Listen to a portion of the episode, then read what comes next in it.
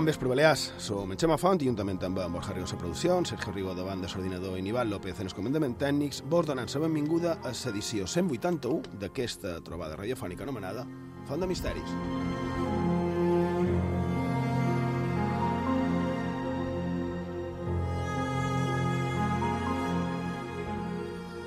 Bé, hem estat dues setmanes sense fer el programa. Una setmana va ser per mort dels esports i l'altra per un concert que va ser dissabte passat en el Baluart, des d'on va emetre, eh, en el nostre horari, el nostre company en Joan Trias, de Mediterràdio, que va fer una edició especial, però tornant-se aquí, i, i bé, clar, anem carregat de continguts, així que anem per feines. Bon vespre, Borja Rigo. Bon vespre.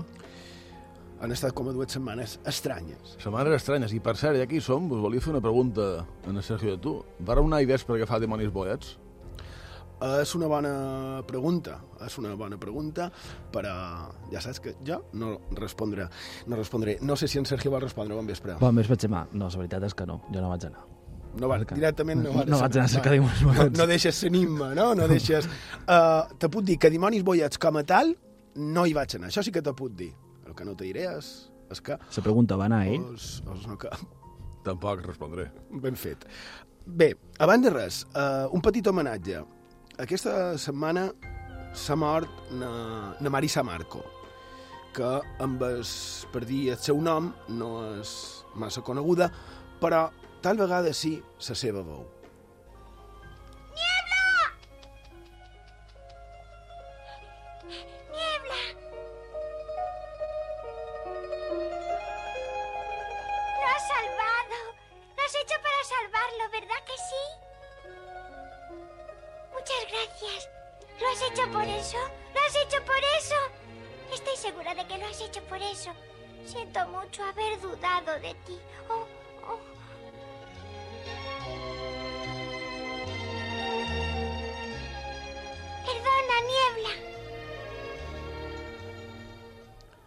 Bé, endivinau qui és, supos, no? Ella va fer de, de dobladora, que és una professió fantàstica i, i poc reconeguda, si m'ho permeteu dir. I de, vaig cap a ella, cap a Marisa Marco, el nostre petit record.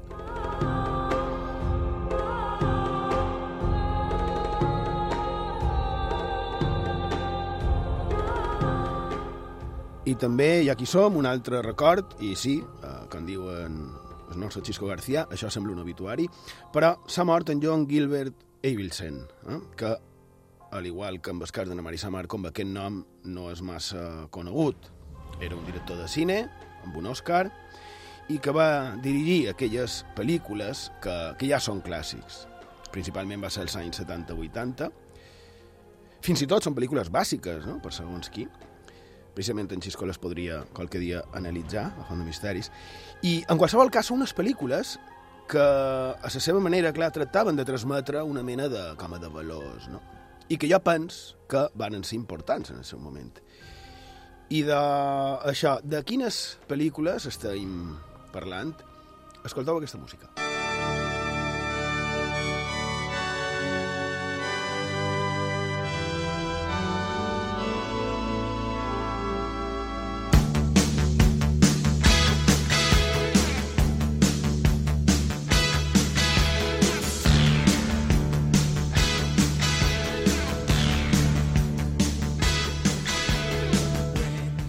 Potser encara no, no ho reconeixeu. Una miqueta més. yourself.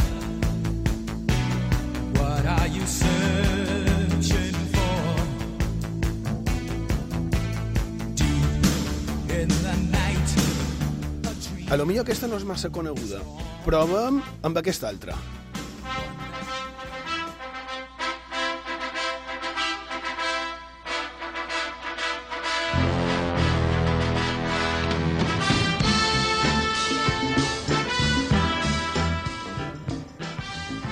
Que, per cert, aquestes dues pel·lícules tenien la banda sonora fetes, composades per la mateixa persona. Bé, aquestes dues sí, moltes més.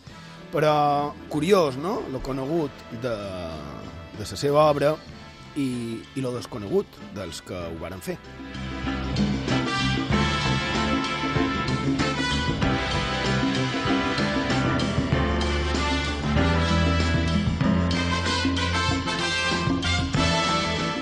Bé, evidentment, estem parlant de Karate Kid i de Rocky.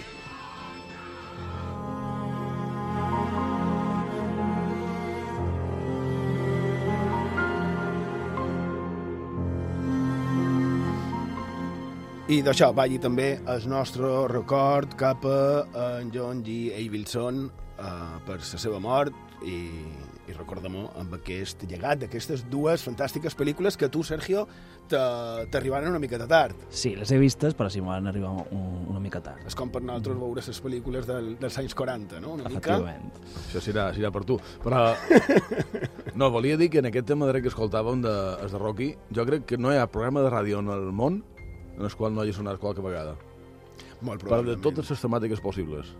Sí, molt probablement. I, I al final aquella pel·lícula era com a fins i tot com a senzilla, no? A més, la història darrere la pel·lícula... Bé, ja han dit que si un cas ho, ho, mirarien amb, ho mirarem amb en, amb en Xisco García, que és el nostre propi crític cinematogràfic. Anem per feines, si vol, Sergio Rigo, sumari. I d'avui xema xerrarem a Font de Misteris del dia de Sant Joan, no de la rebel·la i els rituals propis d'aquesta nit, sinó del dia d'avui. Què celebra? Quins misteris i llegendes envolten aquest dia? A la darrera part del programa repassarem l'actualitat a món diversos i llegirem els missatges dels oients a la secció de xarxes socials. I com sempre, ja ho sabeu, ens podeu enviar tot allò que vulgueu, tant a Facebook com a Twitter, cercant Font de Misteris. També en el WhatsApp dels programes, números 659 1669 52. Ho repetim, 659 1669 52 i el correu electrònic fontdemisteris arroba ivetresradio.com.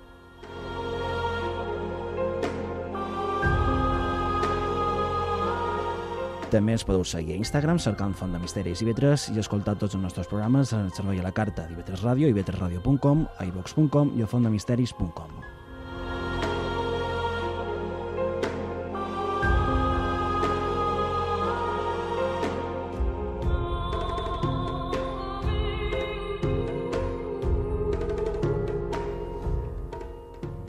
I de Sant Joan, el dia més llarg, i la nit era eh, la rebel·la. Bé, era, és, millor dit, aquella nit màgica. Comparable a altres, sí, però de les més importants dins el santoral cristià. No? Perquè juntament amb el dia de Nadal i, i el dia de la Mare de Déu són els pocs naixements que es celebren. Vos heu fixat que en el calendari es solen celebrar o commemorar la mort dels sants. Eh? És curiós, això. I fins i tot en el cas del d'avui, també, perquè en el mes d'agost es celebra la seva mort. Mm? Però avui, dia 24 de juny, és la celebració del naixement de Sant Joan, el precursor de, de Jesús, que es suposa que va néixer a les 12 de la nit. En punt les 12, que diria en David Gilabert. I clar, sent aquesta fita en aquesta hora fa que aquest sigui el moment més màgic. I fa que sigui també una nit molt important dins el cristianisme i el seu santoral, però també dins el costumari, el llegendari, i també els grimoris, els llibres de, de màgia, on persones, animals, esperits, per què no, i fins i tot les plantes adquirien, momentàniament, sovint, particularitats determinades, eh? com per exemple la verbena, una planta que ja era recollida un dia com avui, el del solstici d'estiu, i ja era recollida pels romans, pels romans fins i tot abans dels cristians. I d'aquí el nom d'una nit com la de la d'avui, o sigui, la d'ahir vespre, que era la verbena, eh? i per extensió a les nit de festa més, diguem-ne, populars, no? i populars i les pròpies, de, principalment de l'estiu. El manco a les nostres illes, no? això d'anar de, de verbena.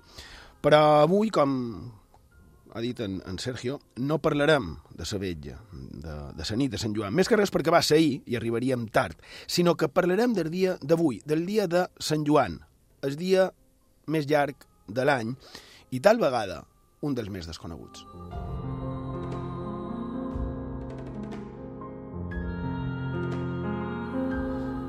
I sí, perquè, al igual que d'ahir vespre es saben moltes coses, bé, eh, la veritat és que se sap lo típic, lo de la purificació mitjans eh, es foc i, i s'aigua, la renovació, Que, per cert, ràpid, perdem el sentir primigeni eh? quan ho deixem fet tot una porqueria, tot sigui dit de pas, que cada any passa el mateix. Però deia que, al igual que d'ahir sap cosa, no així des dia d'avui. Un dia que, com ja podem lògicament imaginar, també té molt a dir.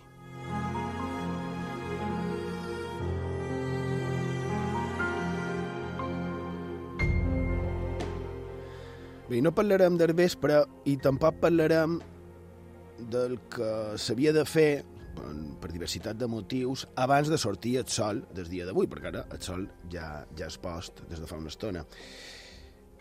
Mm, més que res perquè també això de que hagi de sortir el sol també ja ha passat.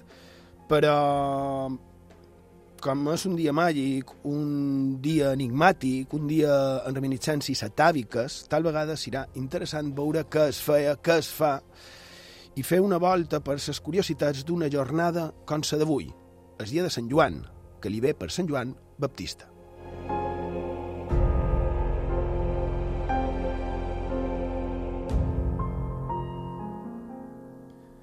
Per cert, ja que som, molt d'anys en els Joans i Joanes, independentment de les creences de cadascú, clar, perquè en el final, també un dia, com és d'avui, té tota la màgia que li vulguem atribuir.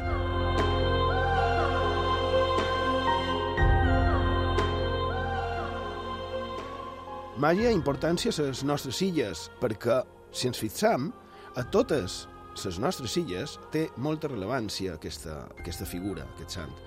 De la importància menor, que evidentment no diran res, tampoc a Formentera, on es va fer sa, una celebració a, a la Mola, però a part de les festes i celebracions en si mateixes, i bé, les esglésies i, i ermites que té consagrades i capelles, tenim que a Mallorca i a Eivissa hi ha municipis que duen el nom de Sant Joan, i per qualque cosa serà. On la història es torna llegenda, a on el més quotidià es torna màgic. Acompanya'ns a la nostra Font de Misteris a IB3 Ràdio. Misteris i llegendes a Font de Misteris, amb Xema Font.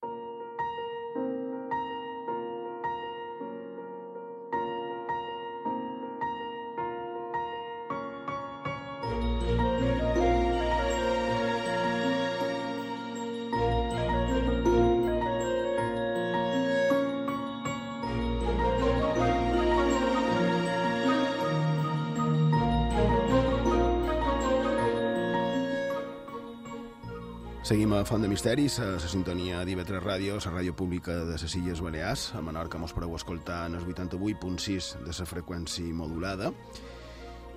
I avui volem parlar de, de Sant Joan.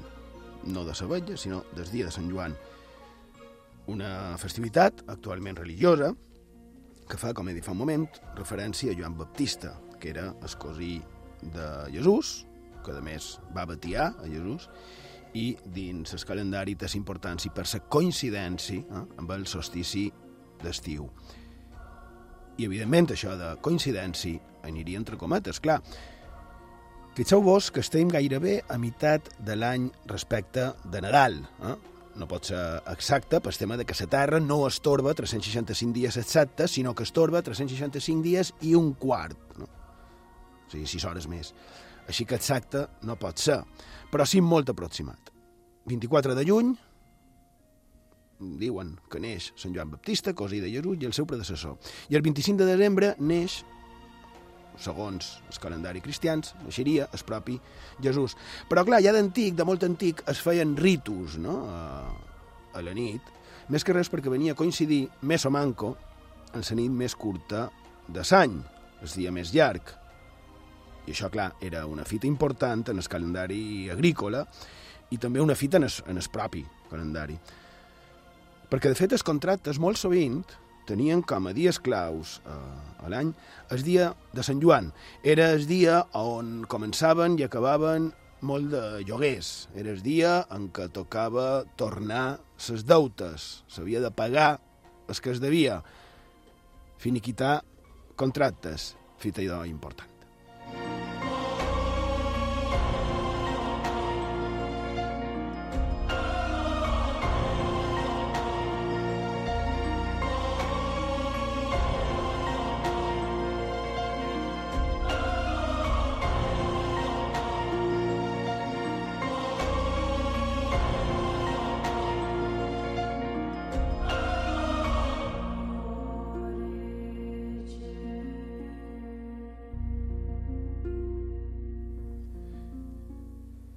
I que la nit abans d'aquest dia és plena de, de màgia, ja ho sabem, però i el dia, què passa al llarg del dia?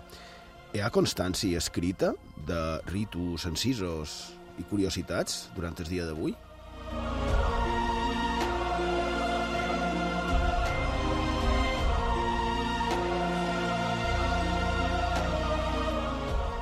I doncs sí, evidentment sí, perquè si no, no tindria raó de ser programa. I a més, molt curioses. N'hi haurà que encara lo millor se poden fer, però d'altres ja no, perquè ja hauria passat tal vegada sort per fer-ho.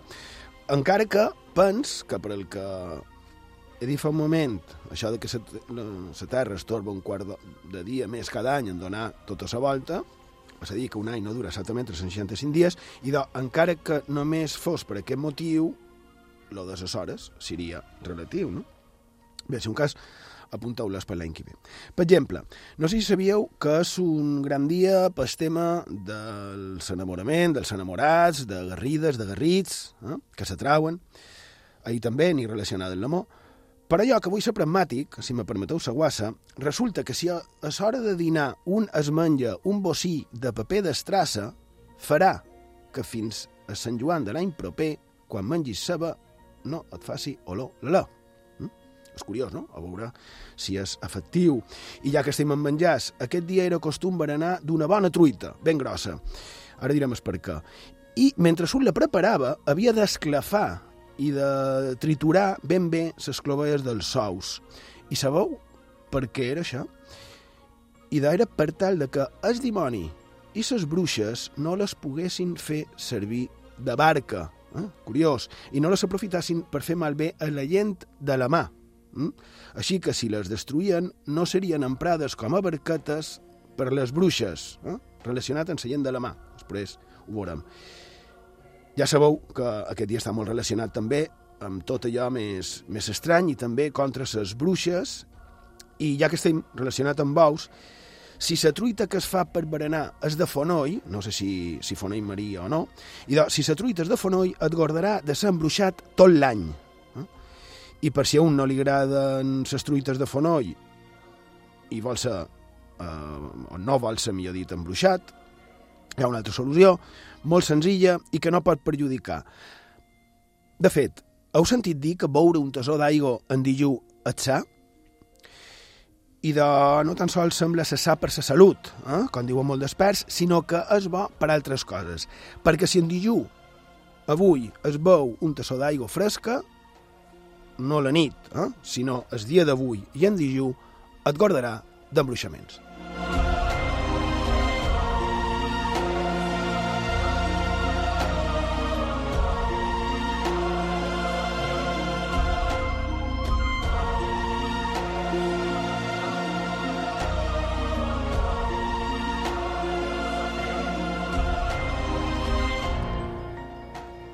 A part de la possible, no sé, sabidoria antiga, no? que ja sabien això de, de beure un tassó d'aigua en dijú i lo, lo saludable que és, pensem que aquest dia és un dia màgic, no? així que pot tenir cert sentit. Tant és així que en Joan Amades diu en el seu costumari que hi ha qui creu que aquí es podria obrir el debat referit a l'origen i el per què de fet en si i de quan fer-ho, però diu que això funcionaria tots els festanyals. És a dir, funcionaria totes les festes grosses de l'any si en aixecar-vos preneu un tassó d'aigua fresca en dijú i serviria per protegir-vos contra els embruixaments. Així que ja ho sabeu.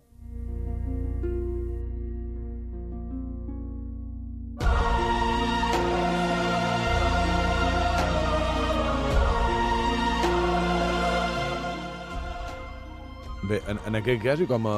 Supos que estareu d'acord, com a de curiositat, és un ritual que és francament bo de fer.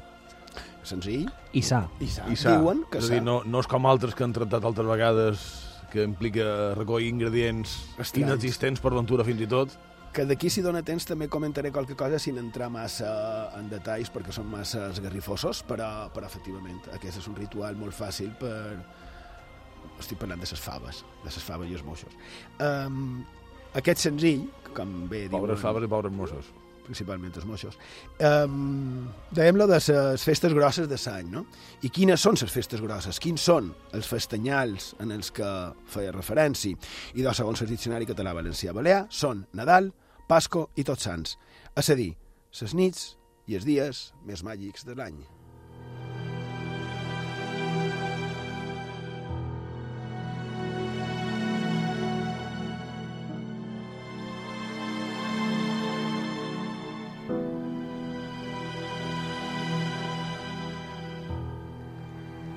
Dies i nits més màgics, repetits a moltes cultures i indrets del món, eh, que venen de lluny en el temps.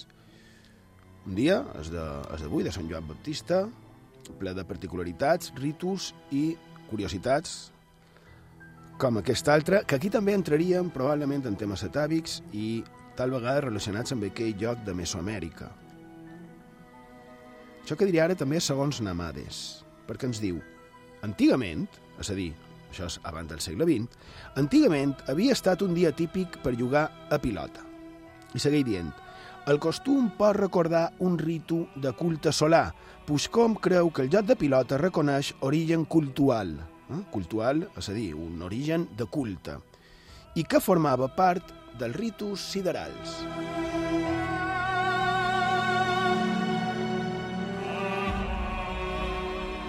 És a dir, que segons el gran Joan Amades, antigament poden dir que, no sé, fa més de 150 anys es jugava a la pilota i tal vegada per un tema de retre culte al sol, és a dir, pagar a Tàvic i, evidentment, el cap cap on se'ns va, Borja Rigó. I d'ara anem, se mos va, evidentment, a un apunt relacionat amb els jocs, si ve una miqueta diferent al que coneixem actualment com a, com a jugar. Supos que ara tot un estareu d'acord. L'Imperi Maya és un dels més importants d'entre les cultures precolombines i, sobretot, tenint en compte la seva durada, entre els 2000 abans de Crist i els 1545 després de Crist, i la seva extensió geogràfica, ja que ocupava gran part de l'actual Mesoamèrica. El cas és que entre les seves aportacions lúdiques i culturals n'hi ha una que destaca especialment i que és precisament conegut com a joc de pilota. I què és el que feia tan especial? En què, en què consistia? Serien les preguntes. I doncs, se feien dos equips compostos pels millors guerrers i representaven bé la llum, bé la foscor. I precisament triaven els millors perquè representaven ser una espècie de déus a la Terra. El joc consistia en bàsicament fer passar una pilota de goma per dins un arpa col·locat de manera vertical a una paret, a una alçada de des 3 metres. I en la particularitat de que per ficar aquesta pilota només se podien emplear els colzes, el cap, les caderes o els genolls.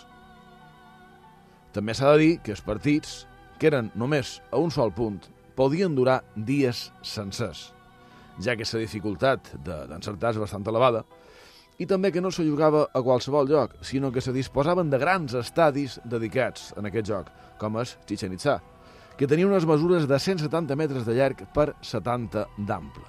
Tot això està molt bé, però per què volem citar eh, aquest joc mm, que era, a més, bastant especial, no?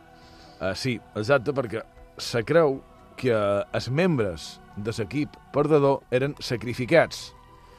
Això deu a les representacions d'homes sense cap i sennant en els costats d'altres jugadors vius. Altres creuen, però, que eren els que guanyaven els mereixedors de sacrificis de les seves vides. Però hi ha dubtes sobre el sistema de valors des, des malles, sobre si es consideraven vàlid xerrar en termes de perdedor i guanyador, ja que se coneix que les seves creences, ben estranyes, eh, supera, superaven, vull dir, tota delimitació natural terrestre. I probablement se considerava un joc, com de fa un moment, una representació, un mitjà, si voleu, d'entrar a la batalla del Sol i d'altres estrelles.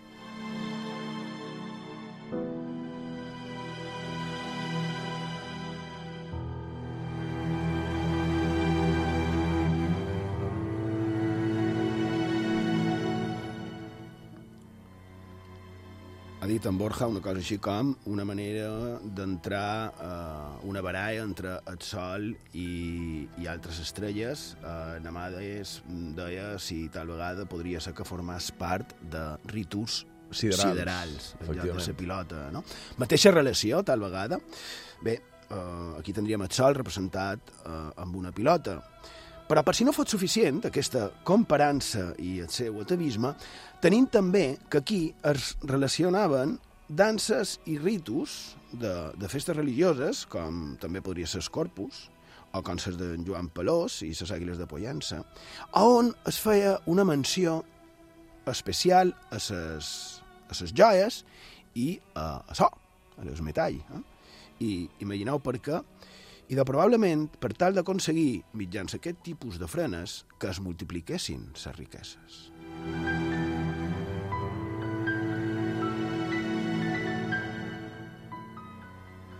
L'O seria la representació del sol i avui, com sabeu, és el dia de l'any amb més hores de sol.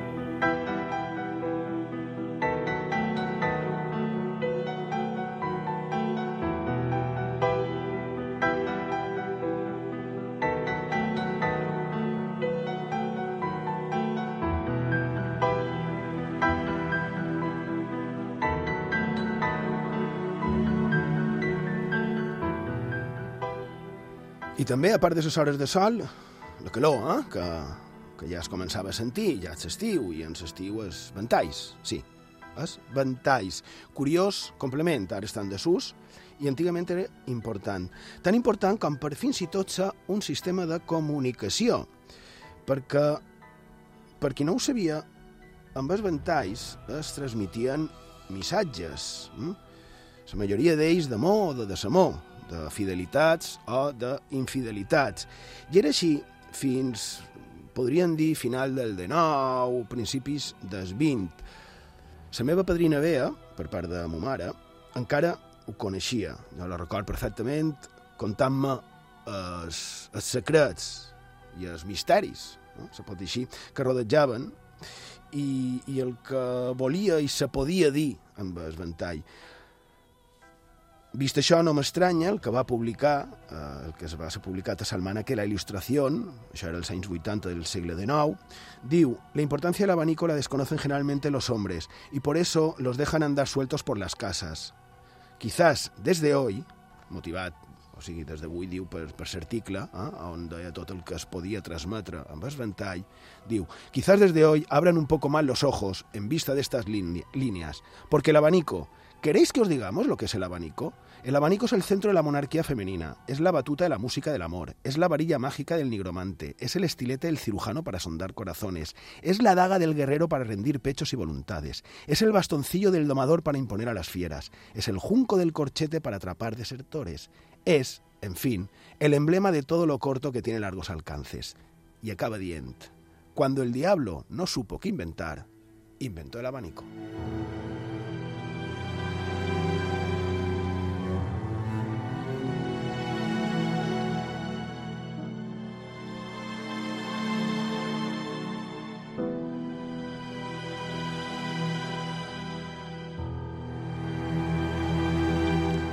A veure, si tot això ho deia perquè ara me comentaven aquests, uh, tot això ho deia, que no ho he dit, perquè a partir del dia d'avui era quan es començava, per tradició, a fer-se ús dels ventalls, a partir de quan estava ben, ben vist s'ús en societat d'aquest complement.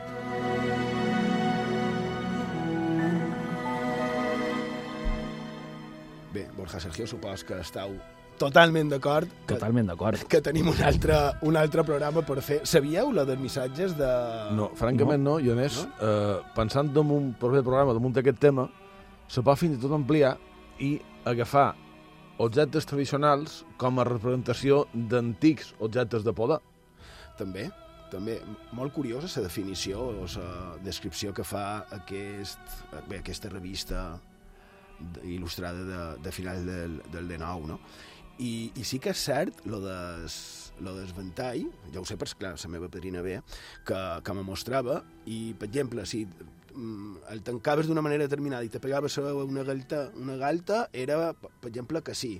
Si te pegaves un cop amb el ventall obert en el front, volia dir una altra cosa, que si eres casada, que si tenies interès en l'altra persona, eh, que si t'estaven vigilant, de tot. És eh, verdaderament molt curiós. I és curiós també que fos acceptat el seu ús antigament a partir d'un dia com és d'avui.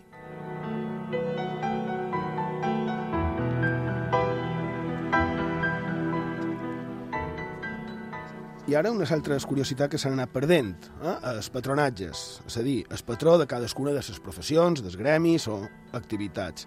Sant Joan ho és, bé, o tal vegada ho era, això s'ha perdut molt, dels que cavalcaven, com a genets i, i amazones, dels manxols, és a dir, dels que els hi mancava un braç, eh? això és molt curiós, dels jogueters de pisos, recordeu que abans hem dit que acabava eh, els plats per, per joguers, i de, per, de jogueters de pisos, els pares de molta fiada, els betzols, eh, els porucs, les mares de soldats, les dones que tenien marits o fills que embarcaven, patró contra els temporals, naufragis i treballs marins. Recordeu que abans hem dit lo, de, lo dels sous per evitar que les bruixes i els dimonis poguessin fer mal emprant-los com a barquetes, i de curiós. I tal vegada, tal vegada per això, fa avui 903 anys, que sortir de Salou, aquella creuada anomenada pisano-catalana, en l'objectiu de conquerir les illes. Eh?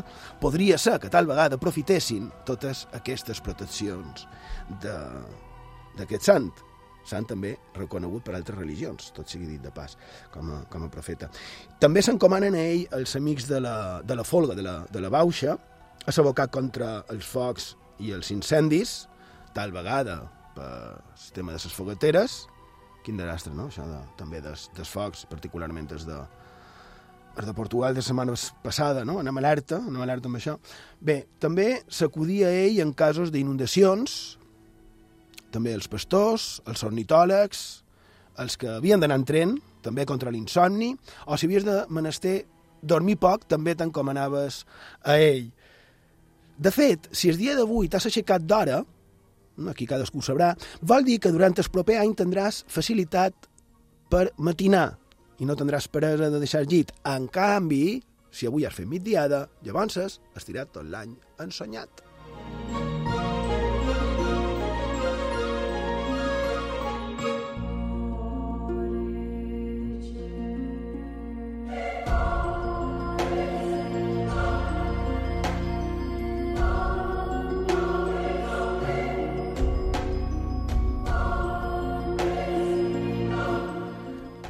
Els que han nascut el dia 24 de, de juny, a més de ser saludadors, és a dir, una mena de senadors, que per cert, tampoc hem parlat, crec, encara de, de senadors, i teníem un tema pendent amb els, amb els senadors, no? No en parlat mai, no? No me sona. No, No fet qualque punt relacionat amb la festa de Sant Joan, de quan xerraven de, de les plantes màgiques. Sí, i però de senadors com a tal, no. No, encara no. Perquè en el cas de Sant Joan, d'ahir vespre, lo d'Escorreu de Manacor, per exemple, hi ha altres plantes tipus Sí. vimers, però no és He el xerrat mateix. també de sa, de sa salida pava i qualque cosa així, però no hem aprofundit encara damunt del tema. I de... Ja ho pots apuntar, Sergio, si vols. I de, a més d'això, que quasi res, eh, que siguin saludadors els que neixen un dia com avui, i de també gaudirien de poder tocar els focs sense cremar-se i de poder caminar damunt dels calius, i encara més si t'han posat de nom Joan o Joana. La màgia del nom.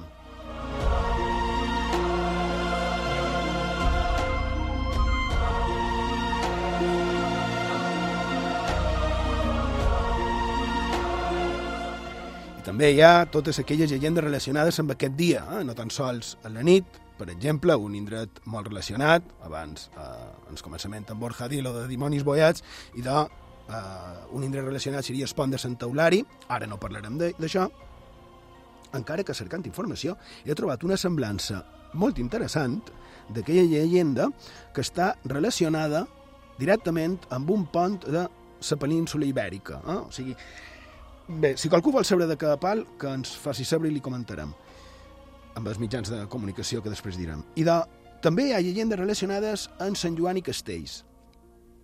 I també, ara fa poc hem fet uns programes dedicats a aquests objectes, i de, també relacionat amb campanes fetes de metalls preciosos i de riqueses. Eh? Tornem amb riqueses relacionades amb aquest dia.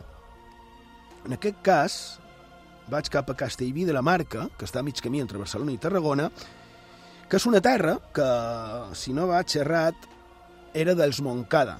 Eh? Ja sabeu, aquells germans que, que varen venir eh, a la conquesta amb en Jaume I.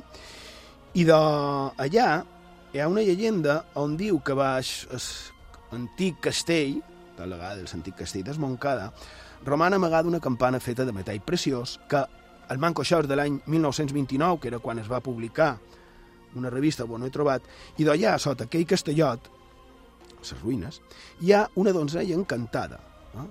I sovint han tractat de desenterrar la campana, no la donzella, però sempre eh, acaben que els estris, les eines, desapareixien del punt i tot torna a estar com, com era abans d'intentar treure-la. No? Però un dia com és d'avui, si anau, tal vegada podreu trobar a la lota que sota l'encantari, eh, sota un encantari, i la podreu trobar pentinant-se de vora la roba estesa al sol del migdia en el roquissàs de vora la cova. És a dir, és un dia on la màgia, on l'altre món surt i es mescla amb els dels vius, no? Com, per exemple, els esperits i dimonis que poden sortir en els sorts per tractar d'evitar, allò que han dit abans els garrifós, que no aprofundirem, per, tra per tractar d'evitar que les faves sembrades amb aquesta finalitat eh, es puguin emprar per fer ritus, encanteris i bruixeries, ja que amb aquests ritus s'aconseguiria sotmetre fins i tot en el mateix dimoni.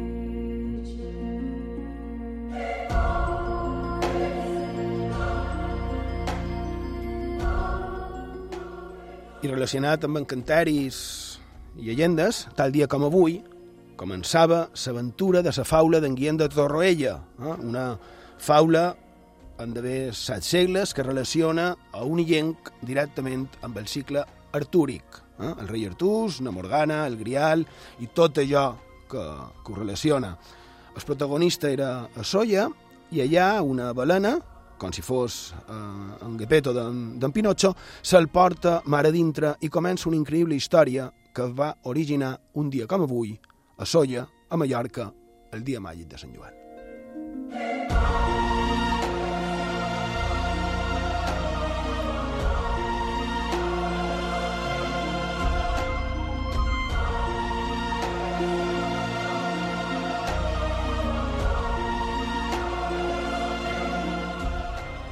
Bé, només hem fet una petita volta per aquestes curiositats pròpies del dia com a, com a tal, eh, del, del, del dia, que més és curiós que es repeteixi molt d'indret del món tot lo relacionat amb aquesta festivitat. Fins i tot allò que desconeixem i que fins i tot no fa tant es feia, com per exemple, això es repeteix a molt d'indrets, prendre xocolates de matí o anar a berenar sora baixa en el camp, o, no ho sé, per guardar les vinyes, tal dia com avui, seria obligat fer quatre focs, una a cadascú dels punts cardinals. Eh? Així protegiríem durant tot l'any la reimada contra tot allò negatiu, contra tot allò estrany i màgic. Està prohibit fer foc, recordeu-ho. Però se protegiria contra tot allò relacionat amb un dels dies més màgics de l'any, el dia de Sant Joan. Molt d'anys. A IB3 Ràdio, Font de Misteris, amb Xema Font. A IB3 Ràdio, Font de Misteris, amb Xema Font.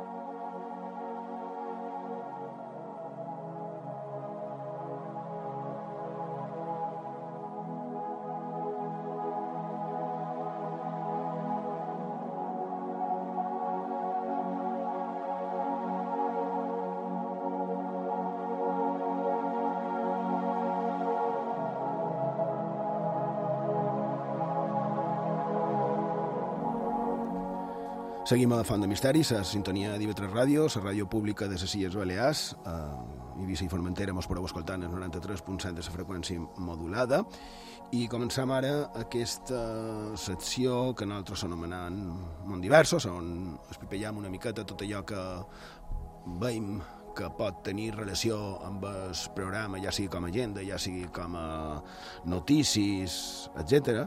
I després de dues setmanes se, se s'han acumulat les coses. Així que anem-hi. Per començar, anem a, amb allò de la recerca de les zones gravitacionals, de les que ja vàrem parlar en el seu dia, que vàrem tenir el privilegi d'entrevistar a la doctora Alicia Sintes, i de tornar-se notícia perquè aquesta col·laboració científica anomenada LIGO, que inclou en el grup de relativitat i gravitació de la Universitat de les Illes Balears, ha estat guardonada aquesta volta amb el Premi Princesa d'Asturis d'Investigació Científica i Tècnica 2017. La nostra enhorabona i, com ja hem dit en un parell d'ocasions, estic segurs que darrere d'aquesta en vendran més. Ara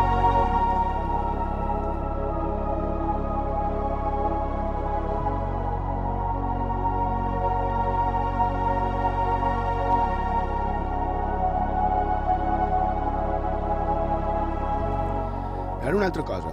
Moltes gràcies al nostre col·laborador, en Xisco García, Antolí, que me va enviar una notícia, l'ha cercada i ampliada, i la veritat és que quan un ho pensa es que rufa una mica. No sé si sabíeu que fa anys es varen popularitzar les anomenades lleis de la robòtica, que eren tres. Les va popularitzar Isaac Asimov l'any 1942 i deien un robot no farà mal a un ésser humà, ni permetrà per inacció que un ésser humà patesqui o pugui patir mal. La segona llei deia un robot ha d'obeir les ordres donades per un ésser humà a menys que aquestes ordres entrin en conflicte amb la primera llei, és a dir, que un humà patesqui mal. I la tercera deia un robot s'ha d'autoprotegir a menys que per fer-ho entri en conflicte amb la primera o la segona llei.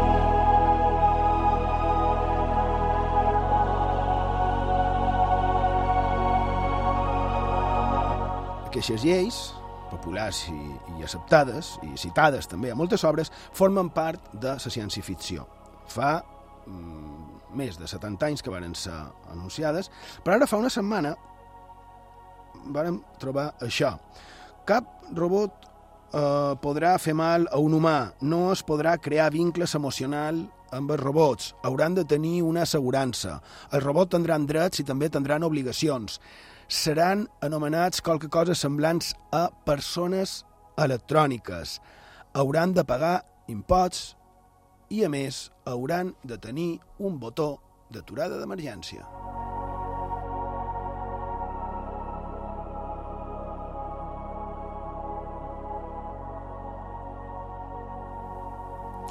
I no, això no ve de cap novel·la de ciència-ficció ni tampoc de cap pel·lícula futurista. Va ser aprovat a un ple del Parlament Europeu enguany, l'any 2017. És a dir, els europarlamentaris ja s'ho plantegen. Va aviat, això?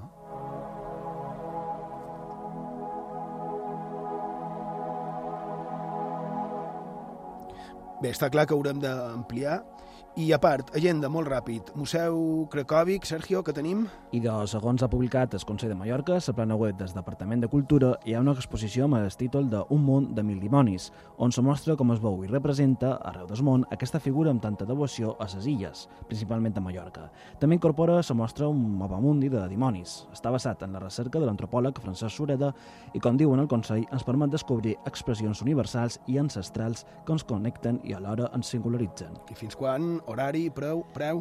I de gratuït en el Museu Cracòvic i amb horari de 9 i mitja a 1 i de 3 a 6 de Sora Baixa. I acaba dia 30 de juny. I queda una setmaneta, Museu Cracòvic, que està just aquí al darrere, en el carrer Ciutat de Querétaro, just darrere del parc, en paral·lel, en el carrer Manuel Azaña, a la ciutat de Palma. Una altra activitat per fer, en aquest cas també a Silla de Mallorca, que bé, està tot ple fins a agost, però pensant que val la pena. Sí, ara xerrant de visites organitzades per el govern de les Illes Balears i a la plana web del Consolat la informació i com inscriure-se. Visites nocturnes en el Consolat de la Mà i a Jallonja, incloent en Esterrat, activitat que es du a terme fins al 21 de setembre i que cal apuntar-se. El telèfon és 971 17 62 35. Ho repetim, 971 17 62 35. I com has dit, fins a final d'agost ja no queden places, però consultant la web ho poden saber amb molta facilitat.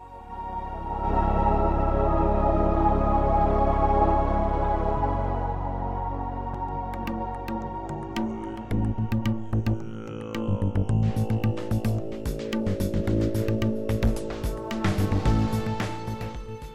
I d'hom arribat a la fi del programa d'avui. Esperem que hagueu passat una estona agradable i que hagueu pogut treure qualque cosa de profit d'aquesta font de misteris. I aquestes darreres setmanes, com sabeu, no hem tingut programa per causes alienes a nosaltres i, bé, per motius d'importància d'esdeveniments a la graella. Ho dic perquè no sorprengui que ara, després de dues setmanes, en aquest món tan ràpid i tan globalitzat, ara parli de l'anomenat heroi del monopatí. Mm? Perquè, a més, si ens fixam, ja sona que m'ha passat, no? I, I és una pena. I precisament per això vull parlar. Només una mica, poquet.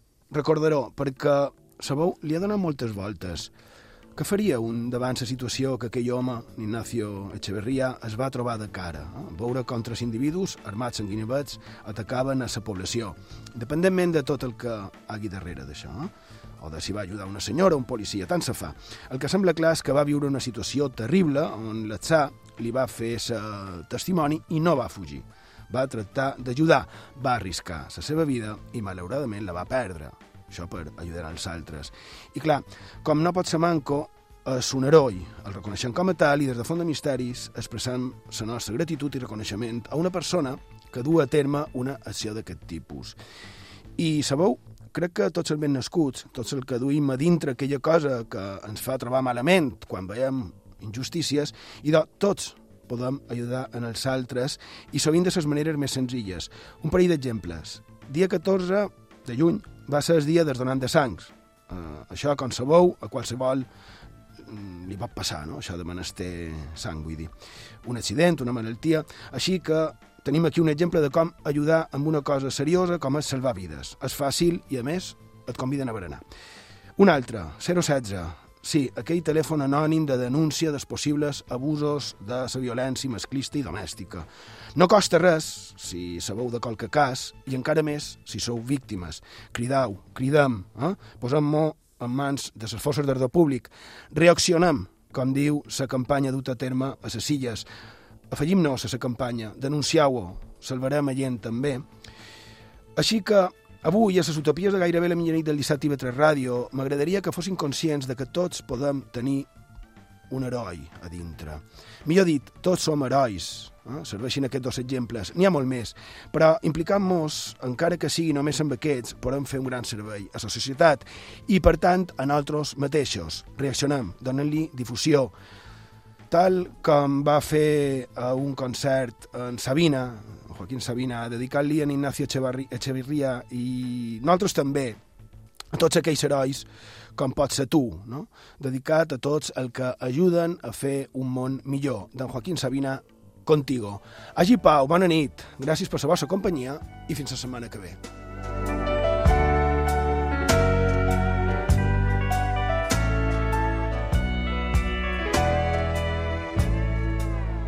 Yo no quiero un amor civilizado con recibos y escena del sofá. Yo no quiero que viajes al pasado y vuelvas del mercado con ganas de llorar. Yo no quiero vecinas con pucheros. Yo no quiero sembrar ni compartir. Yo no quiero 14 de febrero, ni cumpleaños feliz. Yo no quiero cargar con tus maletas, yo no quiero que elijas mi champú, yo no quiero mudarme de planeta, cortarme la coleta, brinda a tu salud. Yo no quiero domingos por la tarde. Yo no quiero columpio en el jardín. Lo que yo quiero, corazón cobarde, es que mueras por mí. Y morirme contigo si te matas. Y matarme contigo si te mueres.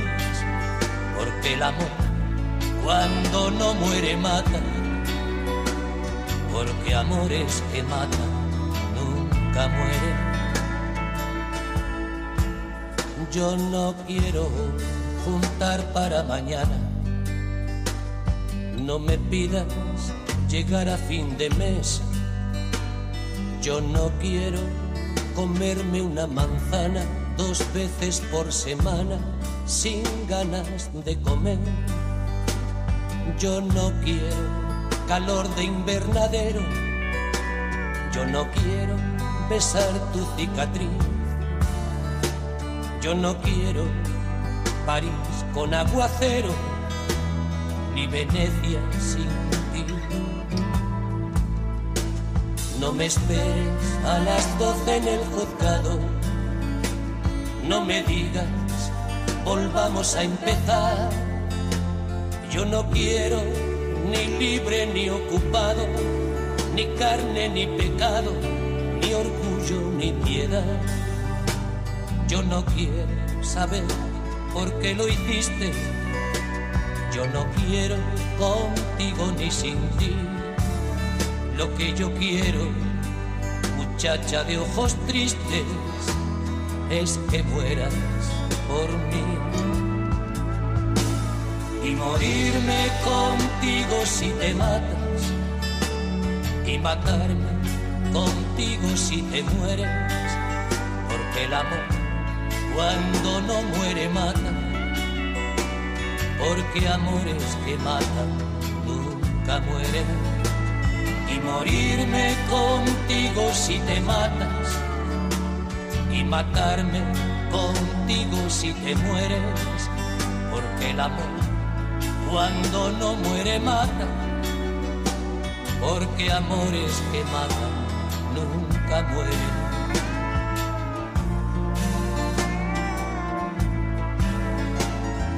amores que matan nunca mueren.